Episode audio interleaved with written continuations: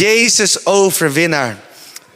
En uh, ik moest aan dat lied denken, niet zomaar. Want heel leuk, voor de dienst kwam Alice naar me toe en die zei: Als, als je wilt, als het kan, ik wil best wel mijn getuigenis vertellen. En ik zei: Joh, kom je dan meteen naar voren? Zei ze: Ja hoor, ja, ik ga het toch niet voorbereiden, zei ze.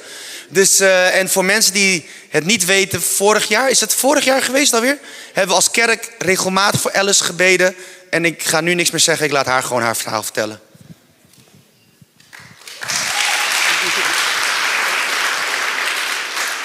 Ik zal eerst even wat over mijzelf vertellen. Ik ben Alice, ik ben uh, 58. En um, toen ik 16 was, uh, zwierf ik een beetje door Haarlem. Uh, ik had een alcoholistische moeder. Mijn vader, geen idee wie dat was. En die heb ik via spoorloos ontmoet. Goed, wilde me niet zien. En op een gegeven moment ben je dan zo ver dat je denkt... Als er een God is, ik weet nog dat ik zei op mijn zestiende... als er een God is, laat u zich dan zien. Als er zogenaamd zo'n God is. Ik zat in de bus en blijkbaar maakte ik een beetje een zielige indruk. Er kwam een meisje naar me toe en die zegt: Heb jij wel eens van God gehoord? Ik denk: Oh, heb je weer zo'n gek? Zag dat gezeur. Ik zeg: Nee, nee, nou, ik, uh, ik zei: Nou ja, ze zegt: Mag ik voor je bidden? Ik zeg: Ah, dat mag wel. Maar ik denk: Nou ja, laat maar. En zij is voor mij gaan bidden. En ik kwam op mijn achttiende mijn lieve man tegen, Paul. Waar ik nog steeds heel gelukkig mee ben. En die zei, nou als je eens een keer naar de kerk wil... Mijn ouders gaan naar de Pinkse gemeente. Ga daar eens naartoe.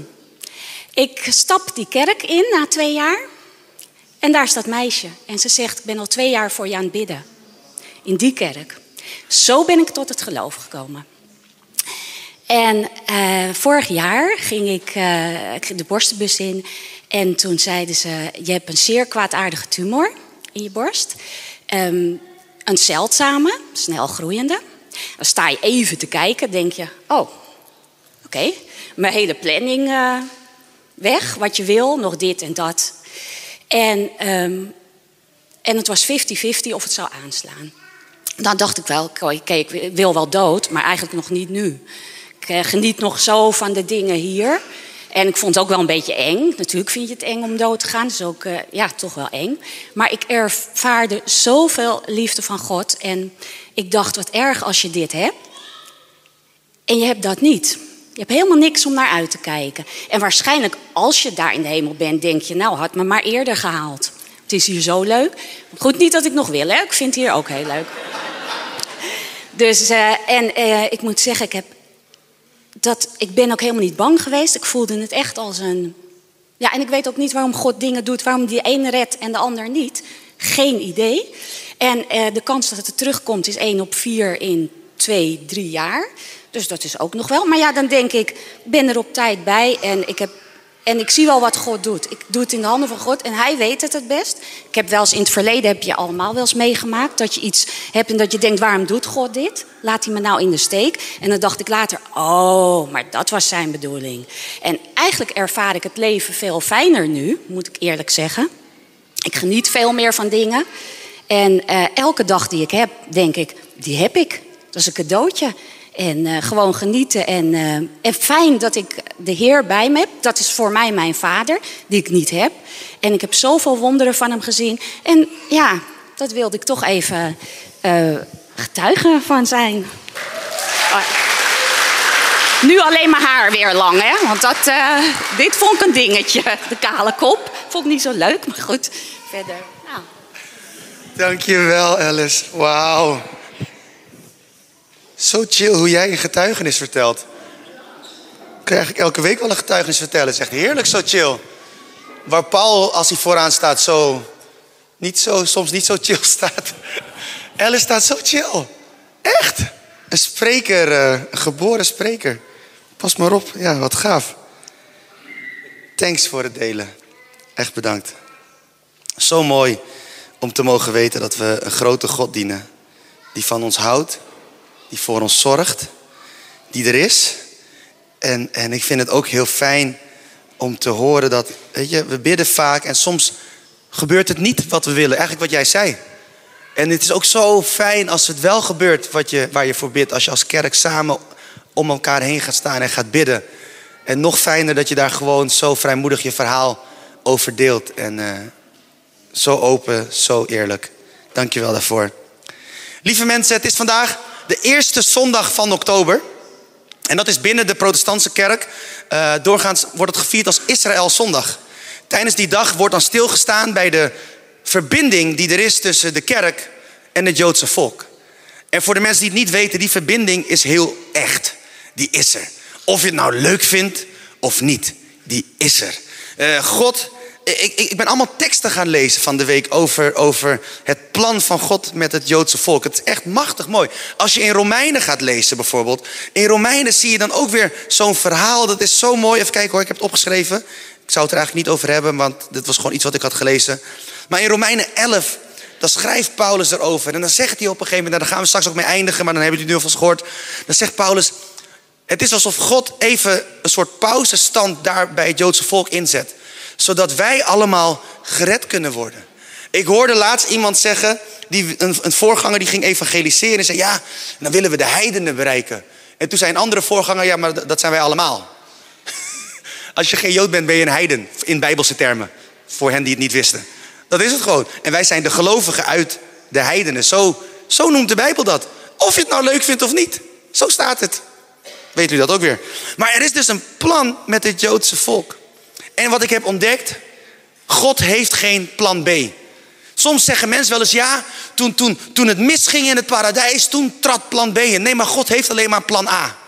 Want God is soeverein. En hij, heeft geen plan B. Want als hij een plan B had, dan zag hij iets niet aankomen. Maar hij ziet alles aankomen. Hij ziet alles mijlenver aankomen. Je kan God niet oepsen. Weet je, je kan mij oepsen, je kan jezelf oepsen, maar je kan God niet oepsen. God zal nooit zeggen, oeps, die zag ik niet aankomen. Hij ziet alles aankomen. Hij is God. Hij staat buiten tijd. Hij, is schepper, hij is heer, hij is soeverein. Hij is de hoogste baas. Ik ben best wel enthousiast over God, merk je dat? Hij is groot. God heeft geen plan B. God heeft een plan A. Of je kan ook zeggen een plan C, dat is plan Christus. Hij heeft één plan. En dat plan gaat door. En dat plan eindigt wanneer we straks met Hem zijn. In het, in het nieuwe Jeruzalem, in het paradijs. Feest hebben met Hem. Wanneer alles klaar is. Dat is God. En dus als God geen plan B heeft. Is het ook nooit de bedoeling geweest dat de kerk in plaats van Israël kwam. En wij geloven dat ook echt niet als kerk. Maar ik denk het is goed om te zeggen.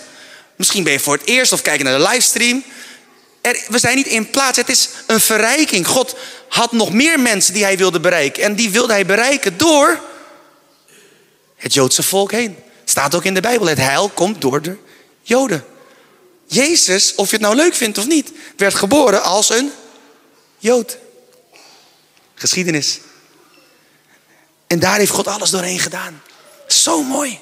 Dus God heeft geen plan B. Hij heeft een plan en dat plan is mooi, dat is schoon, dat is perfect. En hoe vet is het dat God imperfecte mensen gebruikt voor zijn perfecte plan. Dat is hoopvol voor ons allemaal. Echt.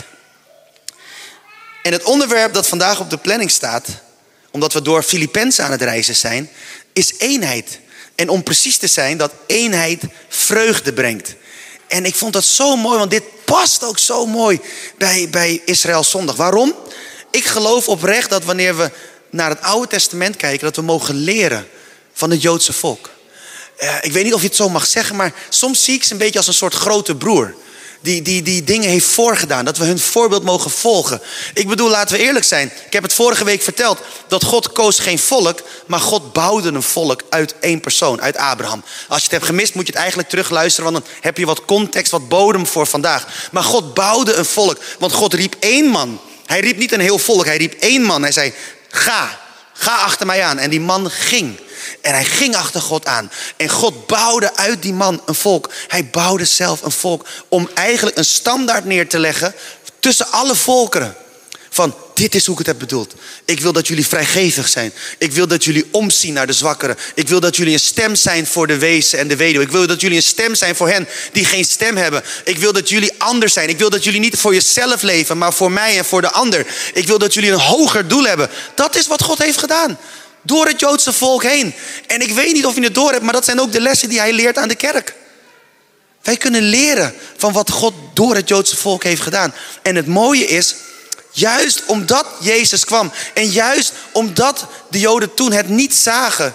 Het is niet dat God ze heeft afgewezen, maar hij heeft eigenlijk hun harten voor een moment gesloten, zodat er toegang kwam voor ons. Het voorbeeld was gegeven, wij mochten bijkomen en wij werden geënt in die boom. Dat schrijft Paulus zo in Romeinen 11. Maar goed, we gaan het dus nu hebben over eenheid. En in Filippenzen 2, vers 1 en 2 schrijft Paulus zo mooi.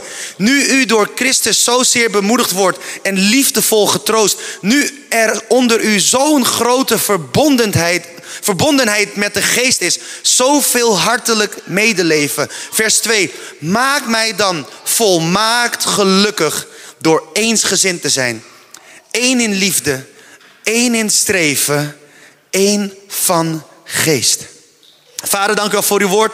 Dank u wel dat uw woord licht is. Dank u wel dat er licht verschijnt wanneer uw woord open gaat. Licht om ons te laten zien waar we vandaan komen, waar we naartoe gaan, waar we staan. En misschien nog het allermooiste hoe we kunnen komen op de plek die u voor ons heeft. Want uw woord is een lamp voor ons voet en een licht op ons pad. Heer, dank u wel dat als we luisteren naar uw woord, Heer, dat het mag zijn als zaad dat uitgestrooid wordt, dat het mag landen in harten, wortel mag schieten, op mag springen, vrucht mag voortbrengen, die ere brengt aan Jezus en Jezus alleen. Opdat u in en door alles heen gezien en geëerd wordt. Dat is ons gebed. In Jezus' naam. Amen. Maak mij dan volmaakt gelukkig. Wat maakt Paulus volmaakt gelukkig? We zien het hier staan. Door eensgezind te zijn. één in liefde, één in streven en één van geest. En ik ging erover nadenken. Waarom is eenheid zo'n ding? Ik geloof dat het belangrijk is omdat God één is. Wanneer we kijken naar God, dan, dan hebben we het over God de Vader, God de Zoon, God de Heilige Geest. Drie personen die samen één zijn. Het is onmogelijk. Het kan niet. Het is een wonder, het is een mysterie. Maar eenheid laat iets zien van God. En als je kijkt naar het Joodse volk, twaalf stammen.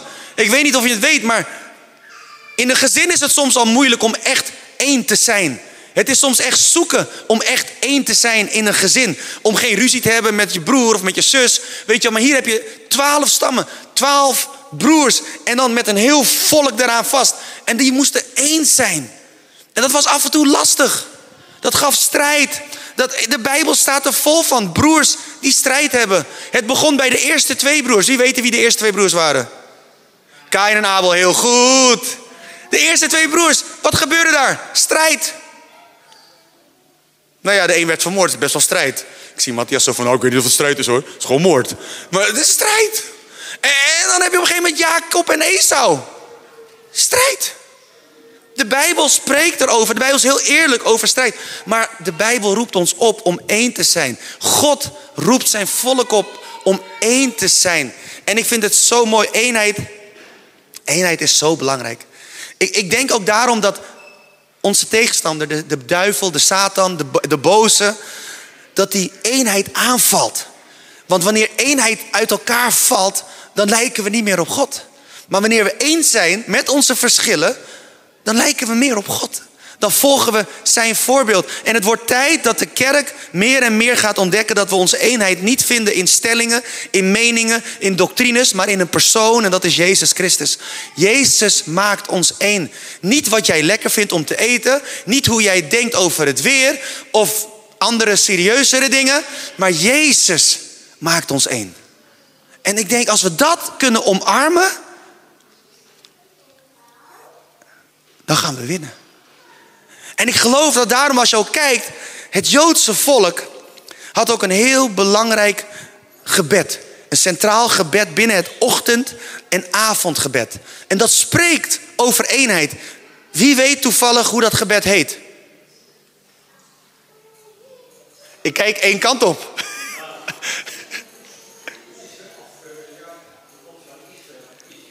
Ja, het Shema Yisrael. En daar zeggen ze, Shema Yisrael, Adonai Elohenu, Adonai Echad. En dat betekent, luister Israël. De Heer, onze God, de Heer is de enige. En een andere vertaling zegt, de Heer, onze God, de Heer is één. En weer een andere vertaling zegt, de Heer, onze God, de Heer is God alleen. En ik geloof dat al die drie vertalingen waar zijn. God is de enige, Hij is één en Hij is God alleen. Het Shema Yisrael is een belangrijk gebed. En dat is tegelijk het mysterie dat God één is. En dat kunnen we niet omvatten. En wij, vanuit de theologie, hebben ze daar een term aan gegeven: de drie-eenheid. De drie-enige God.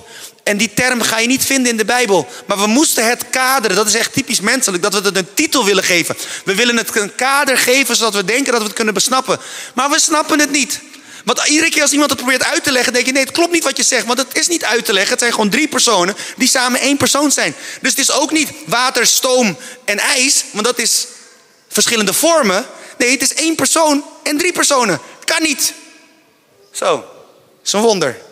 Maar dat is de God die we dienen. Hij is een God van wonderen.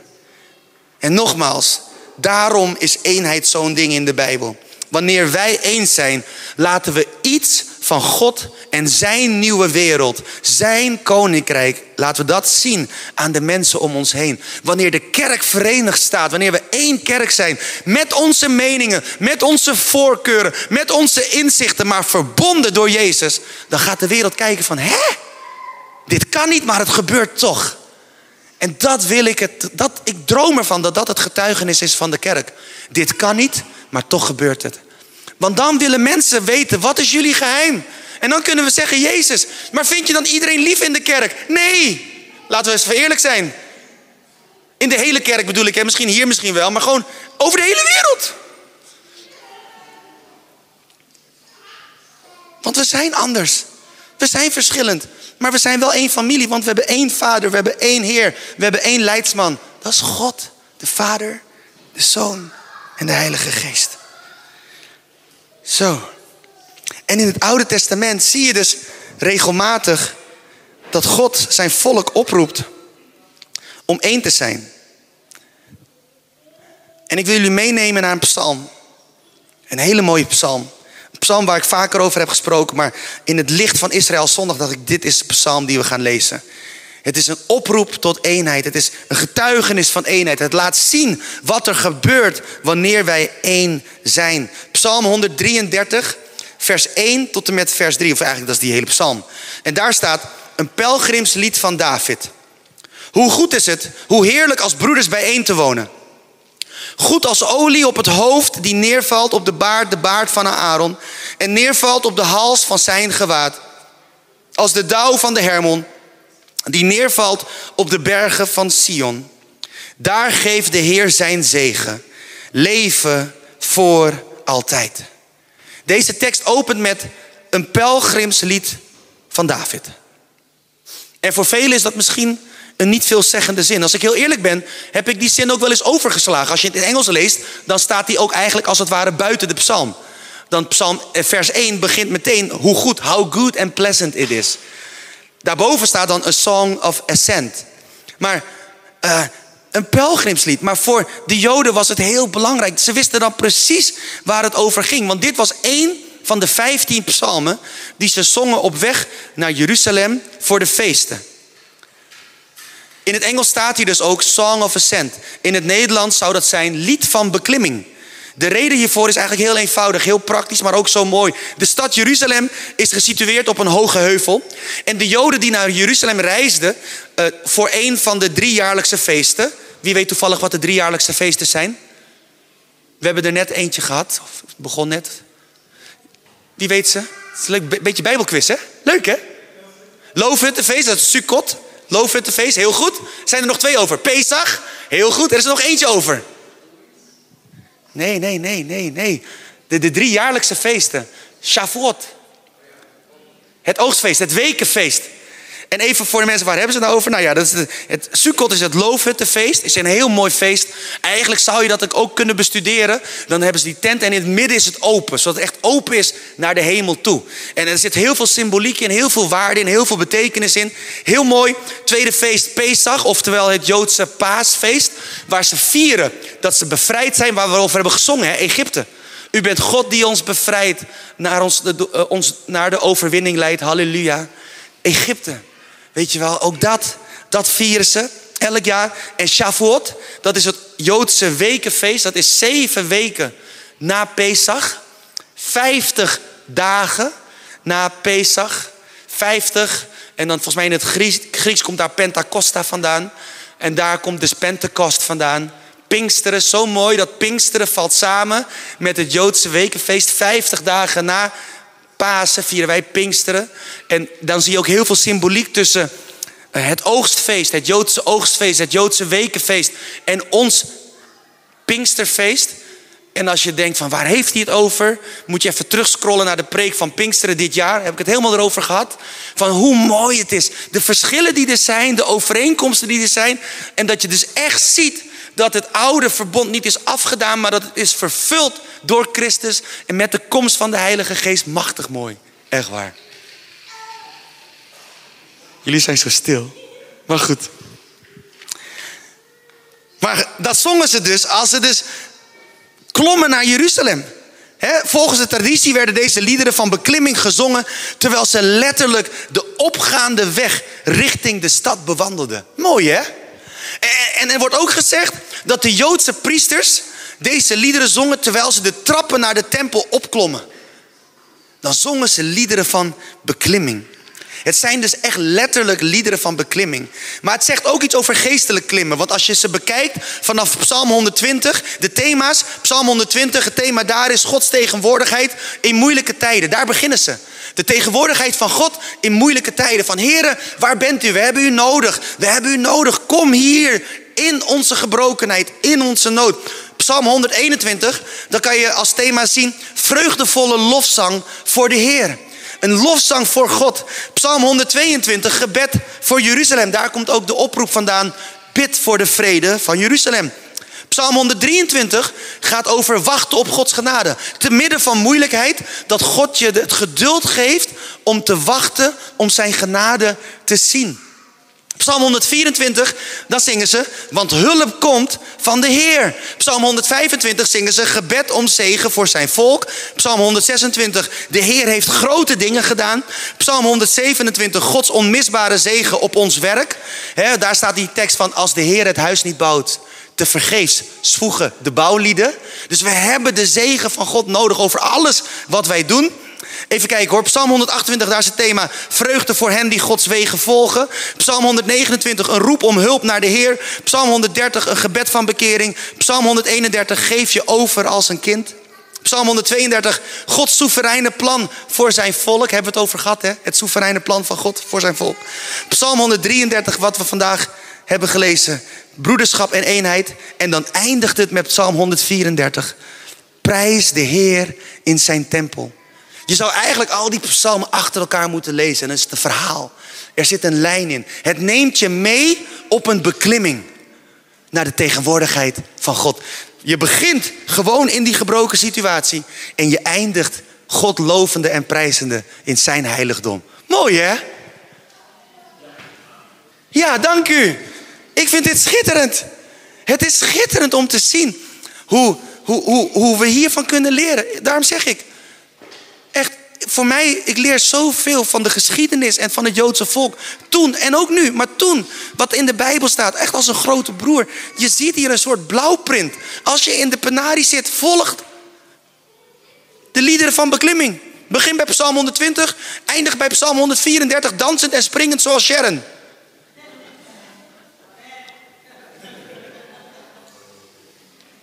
In Psalm 133, de ene laatste, dus van deze klim, zien we dus iets moois over broederschap en eenheid.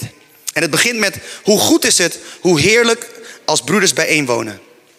Het begint met een simpel statement. Hoe heerlijk het is als broeders bijeenwonen. Wonen kan je hier zien als samen zijn, dus echt wonen. Maar ook als een reis die je hebt met je broeders. Verschillende stammen maken, die, uh, verschillende stammen, de reis die verschillende stammen maken richting Jeruzalem. Hoe goed is het om samen te reizen, samen op te trekken. Ook wanneer het dus niet allemaal pais en vree is. Dat is ook met een kerk. Als de kerk groot genoeg wordt, dan ga je wrijving soms krijgen. En dan is het niet altijd leuk. Maar samen reizen we nog steeds naar het nieuwe Jeruzalem. Of je het nou leuk vindt of niet. En natuurlijk kan je dan zeggen, nou weet je wat, dan ga ik hier weg. Dan blijf ik hier niet hangen. Ga ik een andere kerk zoeken. Maar je komt elkaar als het goed is toch tegen in de hemel. Het is het samen reizen. Hoe goed is het om samen te reizen? Niet omdat alles dan makkelijk en smooth verloopt, maar omdat we samen een keuze maken om ondanks de verschillen, ondanks de spanningen, ondanks het vuurwerk dat er soms is, samen op te trekken. We kiezen voor elkaar omdat we kiezen voor Jezus. En dan vinden we dus onze eenheid niet in standpunten, kaders en inzichten. Maar dan is onze eenheid geworteld in een persoon. In Jezus, de Zoon van God. Onze redder. Onze meester. En dan kunnen we de ander zien door de ogen van genade. De ogen van liefde. De ogen van Jezus. Hoe mooi als we zo naar elkaar kunnen kijken en zo samen kunnen optrekken. En het is geen oproep dus dat je je standpunten moet loslaten. Hou je standpunten. Ook al zijn ze anders dan de mijne. Hou ze. Ik hoef je niet te overtuigen van mijn gelijk. Want ik weet dat Jezus ons allebei meeneemt op reis. Om steeds meer te worden als Hij. Weet je wel? Hou ze. We mogen verschillen. Ik vind het oké als jij pindakaas met jam eet op je brood. Het is oké. Ik hoef je niet ervan te overtuigen dat dat niet van Jezus is. Is een grapje, hè? Is een grapje. Maar hou je standpunten. Ik hou de mijne. En we wandelen samen achter Jezus aan. En terwijl we wandelen, verandert Jezus ons van binnen. Ik zei het volgens mij vorige week al. Iemand die wandelt met Jezus en niet verandert, die heeft niet gewandeld met Jezus. Iedereen die wandelt met Jezus verandert. Of je het nou leuk vindt of niet. En je hoeft het niet te vertellen. Het gebeurt gewoon vanzelf. Want wanneer je met Jezus bent, dan zal die je veranderen. Want Jezus is heilig en wij hebben zijn heiligheid nodig. Zijn bescherming, zijn genade. En hij wil ons steeds meer brengen naar hem toe. We zijn op reis achter Jezus aan. Met Jezus. Dus hou je standpunten. Samen gaan we achter Jezus aan. Hoe goed is het, hoe heerlijk als kinderen van de Vader samen achter Jezus aangaan. Daarmee eren we God. Echt waar. Als je me niet gelooft, vraag elke ouder met meer dan één kind. Of ze het leuk vinden als hun kinderen ruzie hebben. Ik ken geen ouders die vreugde vinden in ruziende kinderen. Ik heb nog nooit een ouder horen zeggen: Oh, ik ben zo blij, mijn kinderen hebben ruzie met elkaar. Prijs de Heer. Nee, ouders genieten ervan als hun kinderen het goed hebben met elkaar. Ook al zijn ze anders. Ook al is de een meer van dit en de ander meer van dat. Maar als ze het gewoon, als ze elkaar de hersenen niet inslaan, dat vinden ouders leuk. Amen, ouders. Dank jullie wel. Tweede stuk zegt, goed als olie op het hoofd die neervalt op de baard, de baard van Aaron, en neervalt op de hals van zijn gewaad. Dit beeld snapten ze allemaal. Dit is het beeld van olie dat die rijkelijk wordt uitgegoten over Aaron. Olie spreekt over salving. Het spreekt over bescherming. En misschien is dat ergens wel gelinkt. Omdat de salving van Gods olie per definitie beschermt. Maar zo langzaam als David het beschrijft, zo langzaam ging het volgens mij op. Ook iedereen weet dat olie langzamer stroomt dan water. Dus het was een rustig proces. Het heeft geen haast. Gods bescherming heeft geen haast. En daarnaast vind ik het bijzonder dat David spreekt over Aaron in dit beeld. Want Mozes en Aaron hebben echt wel hun bief gehad. Meningsverschillen hebben ze echt wel gehad. Denk alleen aan het moment dat Mozes neerkwam van de berg met die twee tafelen. En dan toen zag wat het volk deed onder leiding van Aaron. Kent iemand dat verhaal nog? Het was Aaron had een gouden kalf gemaakt. En ze wilden God zichtbaar maken. Ze wilden God kaderen. Ze wilden een soort beeld maken van dit is God. Dit kunnen wij aanbidden. Dit snappen wij. Dat doen wij gelukkig nooit. En Mozes was boos. En hoe mooi dan dan dit beeld. Dan, iedereen moest dan ook denken aan dit beeld natuurlijk. En denkt van wauw, hoe bijzonder is het. Dat, dat, dat, dat David dan hierover spreekt. Eenheid gaat niet over ons en dat wij zo perfect compatible zijn. Maar het spreekt vooral over God, zijn salving en zijn bescherming. We zien dat bij het Joodse volk door de eeuwen heen. Ik vind het zo mooi. Eh, ik heb, ik heb filmpjes gezien, met dank aan Hans, maar ook anderen die het me hebben toegestuurd over hoe het volk weer terugging naar Israël. Toen ze weer terug konden gaan naar hun land, zeg maar. En van overal kwamen ze. Eenheid heeft niks te maken met dat ze allemaal hetzelfde zijn. Maar het heeft te maken met Gods salving. Zijn bescherming. Ook vandaag de dag. En dat geldt voor zijn volk, het Joodse volk. Maar dat geldt ook voor zijn kerk. Ik geloof dat God zijn kerk salft met olie, met bescherming. En ergens moet ik dan ook denken, als ik denk aan olie, moet ik denken aan dat olie alles soepel laat verlopen. Weet je olie zorgt ervoor, het smeert, het laat zorgen dat het weer beweegt. Olie is handig. Het, het, waar wij kiezen voor eenheid, laat God zijn olie stromen, zodat onze interactie soepeler verloopt. Zonder de olie van God krijg je echt veel vonken. Meer vonken dan we nu al hebben. Maar wanneer we kiezen voor eenheid, dan zetten we de deur open voor Gods, zijn olie, zijn salving, zijn bescherming, zodat we met elkaar kunnen optrekken. En dan gaat het soepeler, dan worden we een geoliede machine. Ik wilde hem even erin gooien, jullie zijn zo serieus. Ah. Dit beeld doet me ook denken dat binnen de eenheid iedereen zijn of haar plek heeft. Mozes was de leider, maar Aaron was de hoge priester. Er was een taakverdeling waardoor de olie kon stromen en de eenheid zichtbaar werd. En tegelijkertijd spreekt het ook over genade. Want iedereen, ik denk, ik had Aaron al lang afgekeurd als hoge priester na wat hij had gedaan. Want hij had het volk naar, naar, naar, naar afgoderij geleid. Wat, wat echt niet goed was. Dat was echt fout, jongens. Laten we eerlijk zijn, dat was niet oké. En toch kiest God hem als hoge priester. Dat was toen hè, in het oude verbond. Jezus was nog niet gekomen. En daar zie je al Gods genade zo krachtig gemanifesteerd worden. Ik moet opschieten, ik praat te lang. En dan komt de derde vers. Als de dauw van de Hermon die neervalt op de berg van Sion, daar geeft de Heer zijn zegen. Leven voor altijd. En ik heb hier vaker over gesproken. Ik heb gedeeld dat het wetenschappelijk onmogelijk is dat de dauw van de Hermon neervalt op de bergen van Sion. En daarom alleen geloof ik al dat eenheid het onmogelijke mogelijk maakt. Eenheid maakt het onmogelijke mogelijk. Maar er is meer. Ik vind het bijzonder dat David eerst de Hermon noemt. De hoogste berg in Israël. Ik heb het opgezocht. De Hermon is 2000 meter, 800, uh, 2814 meter hoog. En als ik aan Israël denk, dan moest ik altijd denken aan woestijn. Meer mensen die dachten aan woestijn. Maar op de Hermon heb je een skigebied. Je hebt pistes. Je kan skiën. Dus als je wilt skiën, ja, je kan skiën in Israël. Misschien moeten we een keer een skivakantie doen met de kerk naar Israël. Doen we eerst een tour door Israël. En dan gaan eindigen we skiënd op de Hermon. Oké, twee mensen enthousiast. Maar ik wist dat niet. Ik vind het mooi. Maar daardoor is de Hermon ook een bron van water voor het, voor het land. De Hermon zorgt er ook voor dat de Jordaan haar water krijgt. De Hermon. Hoe mooi is het hoe God dat heeft gemaakt? In een gebied dat zo droog is, heeft God gewoon ervoor gezorgd dat er een hele hoge berg is. Die gewoon sneeuw heeft. Sneeuw. Sneeuw. Wie, wie hier wist voor vandaag dat er sneeuw was in Israël? Ja, ja, dat, ik, dat verbaast me niks. Maar wie nog meer? Dat is toch bizar? Hoe cool is dat? Dat is onze God. Dat is onze, de, dat is onze God. Zo mooi. Maar goed, de berg Sion is eigenlijk helemaal niet zo indrukwekkend. Qua hoogte dan.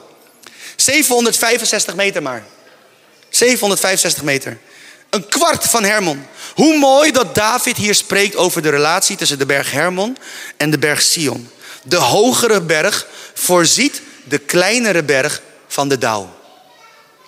Wanneer we kiezen voor eenheid, dan gaat het er niet om wie hoger of sterker is, maar hoe je jouw hoogte kan inzetten om de ander te dienen.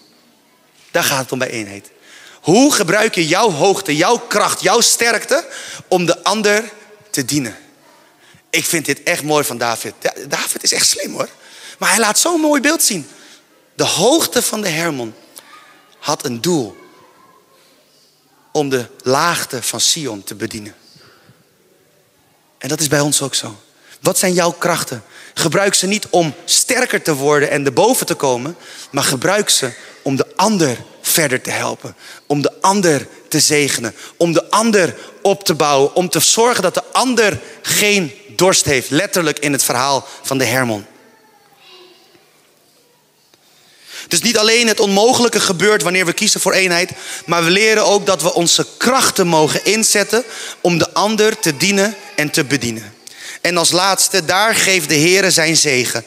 Leven voor altijd. Daar waar we kiezen voor eenheid, daar geeft de Heer zijn zegen. Leven voor altijd. In Gilbertaal zou dat zijn, daar zullen mensen ontdekken wie Jezus is. Want als je wilt leven voor altijd, als je het eeuwig leven zoals God het heeft bedoeld wilt ontdekken, dan heb je Jezus nodig. Daar waar wij kiezen voor eenheid, daar zal het leven van Jezus rijkelijk stromen en zullen levens veranderd worden.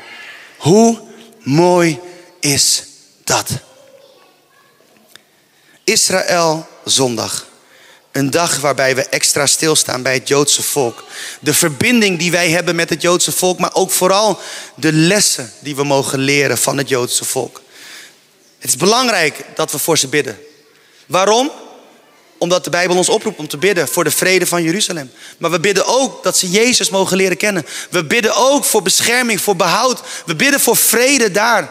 We houden van het Joodse volk. Net zoals we houden van onze Palestijnse christenbroeders en zusters. Maar ook houden van iedereen. God houdt van deze wereld. Of je het nou leuk vindt of niet. Hij houdt van iedereen. En als er één volk is wat door God is geleerd om gasvrij te zijn voor de vreemdeling. In een tijd waarin dat niet gewoon was, was dat het Joodse volk. Als je me niet gelooft, lees de Bijbel. Zelfs in hoe ze hun graan binnen moesten halen, was er een les. Ze mochten niet alles binnenhalen. Als, het, als een deel, ze moesten aan de zijkanten, een deel, als dat niet, als dat niet ge, geoogst was, moesten het laten liggen. Waarom? Dat was voor de, voor de persoon die anders geen eten had. Maar ook voor de vreemdeling, voor de weduwe. God heeft zijn volk tot een vrijgevig volk gemaakt. Ik had het vorige week ook gezegd over de tiende. Dat kwam omdat God wilde dat het Joodse volk vrijgevig zou zijn. En dat is iets wat wij als kerk ook moeten zijn. Israël zondag. Het volk dat de psalmen als eerste kreeg. Hoe mooi is dat? Wij leren ervan. Wij zingen ze in de kerken. Wij niet zo heel veel. Maar, maar toch, ze zijn inspirerend. Ze leven. Er zit leven in. Maar het Joodse volk heeft de psalmen geschreven. Het volk waar God een plan mee heeft vanaf het begin. Het volk van waaruit redding is gekomen voor de wereld. En nogmaals, als je me niet gelooft, moet je Romeinen 11 lezen.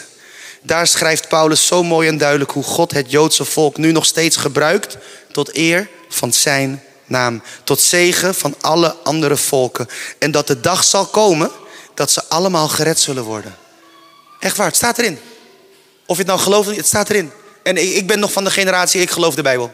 Dan weet u dat ook weer. Het staat erin. En deze zondag mochten we leren over eenheid door een van die vele psalmen te bestuderen. De psalmen die in eerste instantie aan de Joden waren gegeven. En het klinkt misschien wat gek, maar wat ben ik dankbaar dat God, en dit moet je echt horen met, met ja, het klinkt heel gek namelijk, maar ik meen het echt, maar we gaan het lezen waarom ik het zeg. Maar ik ben heel dankbaar dat God heeft toegestaan dat het Joodse volk als het ware zou struikelen. Romeinen 11, vers 11, daar staat. Maar nu vraag ik weer, ze zijn toch niet gestruikeld om ten val te komen? Dat in geen geval. Maar door hun overtreding konden de andere volken worden gered. En daarop moesten zij afgunstig worden. Zie je het? Het staat er. Romeinen 11, vers 11. Vers 12. Maar als hun overtreding al een rijke gave voor de wereld is en hun falen een rijke gave voor de andere volken, hoeveel rijker zal de gave dan niet zijn wanneer zij voltallig deelnemen? Vers 13. En tegen u, afkomstig uit die andere volken, zeg ik: Het is waar dat ik een apostel voor de heidense volken ben, maar ik schat mijn taak juist daarom zo hoog, omdat ik hoop afgunst bij mijn volksgenoten op te wekken en een deel van hen te redden. Als God, toen zij afvallig werden, de wereld met zich heeft verzoend, zal Hij zeker, wanneer zij opnieuw aangenomen worden, leven schenken uit de dood. God heeft een plan. Een meesterlijk plan. En dat plan is nog niet afgelopen. Dat plan gaat door. En daarom bidden wij voor het Joodse volk. En dat is ook de reden dat we begin dit jaar, of eigenlijk eind vorig jaar, hebben ook een gift overgemaakt naar een stichting die heel actief is in Israël. Om een brug te zijn tussen het Joodse volk en, en de christenen onder de Palestijnen. En het is hartstikke mooi werk wat ze daar doen. Ze doen daar dingen voor de kinderen. Ze zijn echt een brug. Ze bidden voor vrede. Ze zetten zich in voor vrede. En we zijn dankbaar als kerk dat we daar een gift over konden overmaken. Als een zaad van geloof dat we wilden zaaien in de bediening die zij daar hebben. Weet je, en ik geloof dat het goed is, niet alleen om te bidden, maar ook om te kijken van welke organisatie kan ik steunen? Welke organisatie mag ik steunen? Mag ik, mag ik af en toe in zaaien om iets van vrede te laten gebeuren daar? En ik zou het mooi vinden als we vandaag gaan bidden, dat we ook daar een moment stilte voor nemen. Dat we ons hart laten raken, want God houdt van zijn volk. Net zoals hij houdt van de kerk, houdt hij van zijn volk.